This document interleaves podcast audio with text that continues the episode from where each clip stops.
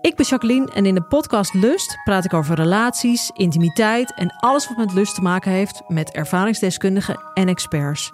Of je nu in een relatie zit, single bent of iets daartussenin, Lust is de podcast voor jou. Overal te beluisteren, dus ook in jouw favoriete podcast-app.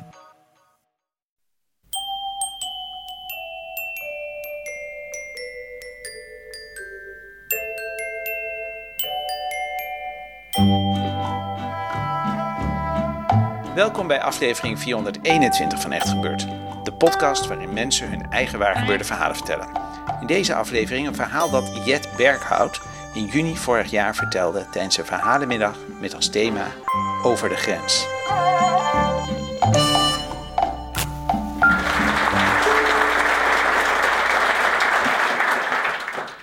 Toen ik uh, 18 jaar was, wilde ik heel graag naar Engeland. En dat had een aantal redenen. Uh, een van de redenen was dat ik uh, heel erg hield van Pride and Prejudice. Dat is een uh, boek van Jane Austen dat ik voor mijn eindexamenlijst had gelezen. Daar was ook net een serie van uitgekomen met Colin Firth. Die had ik grijs gedraaid. Had ik ook een keer nagespeeld met een vriendin met dekbed overtrekken als jurk aan. En voor de mensen die het verhaal niet kennen, het gaat over vijf adellijke meisjes die op het punt staan volwassen te worden, of tenminste ja, uitgehuwelijk te worden, de wereld in te gaan. En het doel is om uh, een partner te vinden met zoveel mogelijk aanzien en geld.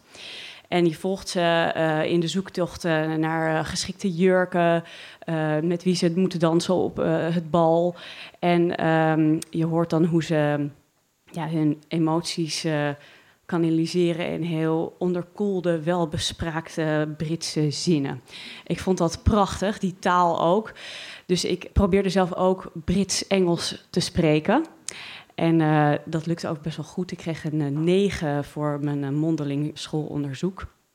En ik had ook het idee dat die beschaving best wel bij me paste. Uh, dat ik me, als ik in Engeland uh, zou zijn, ook wel kon bewegen in dat soort kringen. Dat, uh... nou, het, het, is niet dat ik erop voor sorteerde, maar Prins William is een jaar jonger dan ik. Die was toen 17, dus ik, toen dacht ik, nou, ja, theoretisch als je zo via via dan je daar beweegt, dan, dan kom je misschien met elkaar in contact. Nou, het is de leeftijd. Um, oh ja, en wat me ook een hele toffe bijkomstigheid leek, was dat ik dan uh, hoeden zou dragen. Ik hield heel erg van hoeden. Ik ging heel vaak uh, naar warenhuizen waar ze dan hoeden hadden om die te passen. En mijn moeder zei ook dat ik een echt hoedenhoofd had. Dus het lijkt me dan heel tof om dan in zo'n omgeving te zijn waar het dan normaal was om hoeden te dragen. Dus ik uh, gaf me op als au pair. En dat deed ik niet onder mijn gewone roepnaam, maar onder de naam die in mijn paspoort staat: Harriet. Harriet omdat ik dacht dat is beter dan uh, Jet. Want dat is dan toch een soort van. Uh, EasyJet was toen net opgericht. en um, nou, ik kwam bij een uh, gezin. Het was een, een echtpaar met één baby. En hij was zakenman en zij werkte voor een Engelse lord in het House of Parliament. En ze hadden één baby, Georgia. En um, wat ook wel leuk was, is vlak voordat ik ging, vertelde een vriend van mijn vader, die Engels is, dat hij in Londen zou worden geridderd door Prins Charles. En toen zei hij, nou, als jij daar dan toch bent, dan mag jij met mij mee. Dus ja, de voortekenen waren heel goed. en um, nou, ik, ik, kwam daar en uh, zij had in haar profiel aangegeven dat ze ook van gardening hield.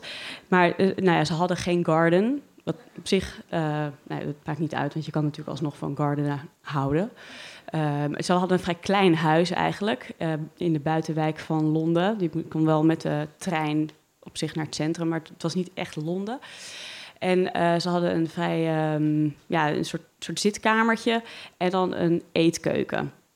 En ik, vond, ik vond het in het begin nog wel ingewikkeld, omdat ik niet zo goed wist. Omdat mijn slaapkamer was ook vrij klein. Daar stond eigenlijk een bed en ze hadden wel een televisie neergezet, maar ik kon niet zitten. Dus ik moest eigenlijk in mijn bed liggen of staan. Maar dat, dat, het was, dat was niet. Dus ik, ik wist nog niet zo goed wat de mores waren. En zij ook niet echt, want ik was hun eerste au pair. Wat dan s'avonds de bedoeling was dat ik bij hun in de zitkamer televisie ging kijken. En of ik dan uh, gastvrouw moest zijn, of de gast, of uh, meer soort. Uh, huisgenoot. Ehm, en wie dan het programma zou kiezen, dat vond ik nogal eh, een beetje zoeken. In principe viel het wel mee, want hij was best wel veel weg. Dus ik was meer met haar dan met hem. En zij was heel lief. Zij nam me ook in vertrouwen over heel veel dingen. Het ging niet heel goed tussen hun. En, uh, en de baby was meer haar ambitie dan de zijne. Uh, die baby die ging trouwens ook vijf dagen per week naar de crash. Had ik ook niet helemaal voorzien. Maar uh, zij vond het wel fijn als ik hielp met opstaan en het ontbijt klaarmaken en uh, koken. En het zorgen dat het gewoon gezellig was thuis. Dus op een gegeven moment hebben zij hun werkster ook weggedaan. Want ik kon dat natuurlijk op zich prima erbij doen. Dus ik streek en uh, ik zorgde dat de kussens van de bank opgefluft waren. Dat vonden ze fijn. En, en de lampjes aan.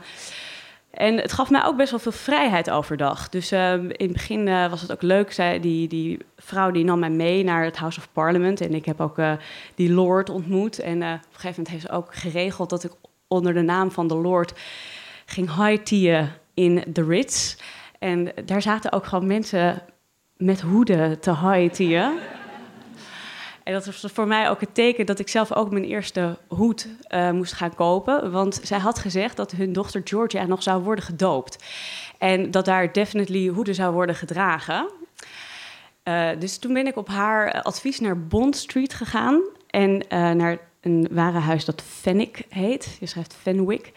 En daar hadden ze dus allemaal hoeden. En dat was een zwart fluwelen hoed met een soort ehm, grijze kraag en een gele voering. En daar heb ik toen ook een uh, doos bij gekocht. Die moest ik wel loskopen. Uh, maar ik had bij haar gezien, bij die, die vrouw, dat zij een kledingkast had... waarboven dus allemaal van die hoedendozen lagen. Ze had een collectie. En ze dacht, ja, je moet ook een collectie aanleggen. Want elke gelegenheid vraagt natuurlijk om een andere hoed. Dus um, dat was mijn eerste hoed. En um, ik ben toen ook in die vrije dagen ook wat hobby's gaan zoeken. Dus ik ben daar op uh, pianoles gegaan en ik ging naar toneelles. En dat heb ik een beetje in overleg met haar gedaan. Want die toneelles die duurde tot vijf uur. En dan moest ik nog door Londen uh, om thuis te komen. Dus dat betekent dat ik één of twee keer per week iets later thuis kwam dan zij. En dat ik dan, dan kon ik dus niet de lampjes aandoen, maar dat was niet erg. Want het was een hele toffe toneelschool met uh, allemaal studenten die heel ambitieus waren. En uh, een van de leerlingen die had net iets gehad met Leonardo DiCaprio. En, um, en een andere jongen, die super knap was, die had het kaartje gekregen van een casting agent. Die ook uh, ja, sterren als Brad Pitt en zo onder zich had. Dus het was daar echt happening. Nou, op een gegeven moment was het kerst en toen ben ik uh, met vakantie teruggegaan naar huis. En uh, toen ben ik op een gegeven moment uh, in een boom geklommen en daar ben ik uitgevallen. En in een poging om mezelf op te vangen, heb ik toen mijn arm verrekt. En die kon ik toen eigenlijk niet zo goed meer bewegen. En toen moest hij in de mitella en ik moest naar fysiotherapie. En dat betekende eigenlijk dat ik veel langer wegbleef dan voorzien, namelijk een maand. En ja, toen was het heel gek. Toen kwam ik terug in dat gezin. En toen leek het alsof er iets was veranderd daar. Uh, ik merkte dat zij veel meer samen waren. Dat die man ook uh, s'avonds vaker thuis was. En dat zij het minder prettig vonden als ik bij hun in de woonkamer was. Waardoor ik ook veel vaker eigenlijk meteen na het eten naar mijn kamer ging en in mijn bed ging liggen. Ja, wachten tot ik moe werd. En dat hij ook meer um, opmerkingen had over wat ik deed. Daarvoor had ik eigenlijk alles met haar besproken. Maar hij zei dan af en toe: Ja, ik vind het toch vervelend als je de jampot in de la zet. In plaats, of hij zei niet, ik vind het je vervelend. Hij zei: Mag ik suggereren dat je de jampot in de kast zet in plaats van de la? En uh, het zou ook wel fijn zijn als je de schoonmaakspullen uh, meteen opbergt nadat je hebt schoongemaakt. Want anders dan springen ze in het oog of kan er iets mee gebeuren met Georgie, de baby. Nou, dat, nam, dat was prima, dat nam ik aan. En ik kon er ook niet zo goed de vinger achter krijgen wat er nou precies aan de hand was. Ik had wel het idee dat het iets beter tussen hun ging. Ik hoorde haar op een gegeven moment uh, telefoneren met een vriendin en zeggen dat ze weer lovey-lovey hadden gedaan. Maar wat er precies verder aan, de hand was, daar kon ik geen vat op krijgen. Behalve dat ik op een gegeven moment weer uit uh, was gekomen en toen ik thuis kwam, hun allebei trof. En um, toen zei hij dat we moesten praten. En toen zei hij um, dat hij weer had gezien dat de jampot op de verkeerde plek stond. En um, dat als hij zei dat hij iets suggereerde, dat het eigenlijk een bevel was. En uh, waarom ik dat niet begreep. En toen zei hij daarna dat hij het heel vervelend vond dat ik niet thuis was als zijn vrouw thuis kwam. En dat de lichten dan niet aan waren en dat de kussens niet waren opgeschud. En toen zei ik dat ik dat met zijn vrouw had afgesproken en dat zij daarmee akkoord was gegaan. En toen richtte ik me tot haar, want we waren met z'n drie. En toen zei ik, maar we hebben dit toch afgesproken? En toen zei hij, ik wil niet dat je zo tegen mijn vrouw spreekt. En toen keek ik haar hulpeloos aan en ik dacht, nou, ze gaat me backuppen, want dit is ons pact. En toen keek ze weg. En toen zei ik, willen jullie liever dat ik wegga? En toen zeiden ja, ik denk dat dat het beste is. En toen ben ik naar mijn slaapkamer gegaan en ik weet niet precies waarom, maar ik ben in de klerenkast gaan zitten. En toen heb ik mijn ouders gebeld en uh, toen zei ik, ja, jullie moeten me ophalen, want ik moet hier weg.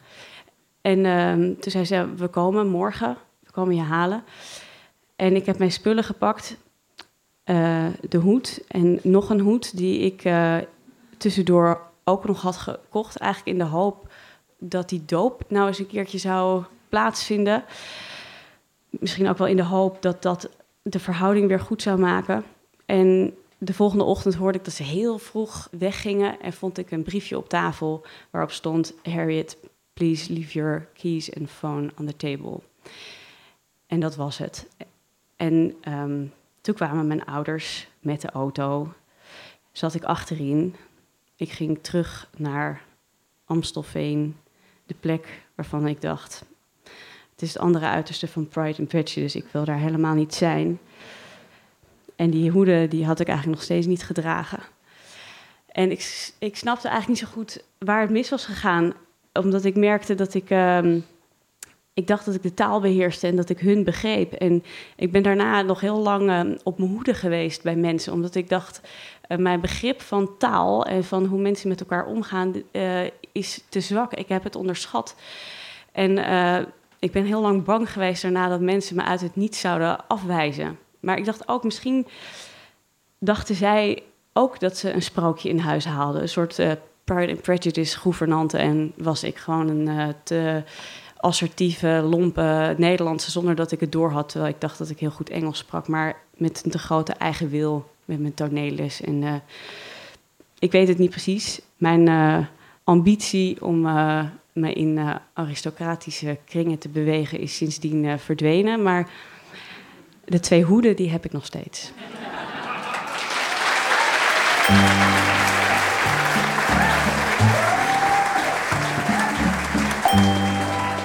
Dat was een verhaal van Jet Berghout. Jet is presentator op NPO Klassiek en heeft twee podcasts gemaakt. Beethoven is meer dan een hond en Alle wegen leiden naar Morricone. In een ander zoekend verleden, zoals ze het zelf formuleert, werkte ze in de thuiszorg en daarover schreef ze een boek met de titel De Thuishulp. Maar luisteraars van de Echt Gebeurd podcast kennen haar natuurlijk als een van onze favoriete vertellers. Echt gebeurt in zijn verhalenmiddag die elke derde zondag van de maand plaatsvindt in Comedy Club Toemler in Amsterdam. De volgende editie is op 17 september en de kaartverkoop voor die middag begint komende maandag, 28 augustus. Meer informatie vind je op onze website echtgebeurd.net. De redactie van Echt Gebeurd bestaat uit Paulien Cornelissen, Ariane Hins, Renette Kwakkenbos, Tom van Rooyen en mijzelf, Micha Wertheim. Directie Hanna Ebbingen, zaaltechniek voor deze aflevering, Tyron Dierksen, podcast Gijsbert van der Wal. Dit was aflevering 420. Bedankt voor je aandacht en denk eraan: het doel is om een partner te vinden met zoveel mogelijk aanzien en geld.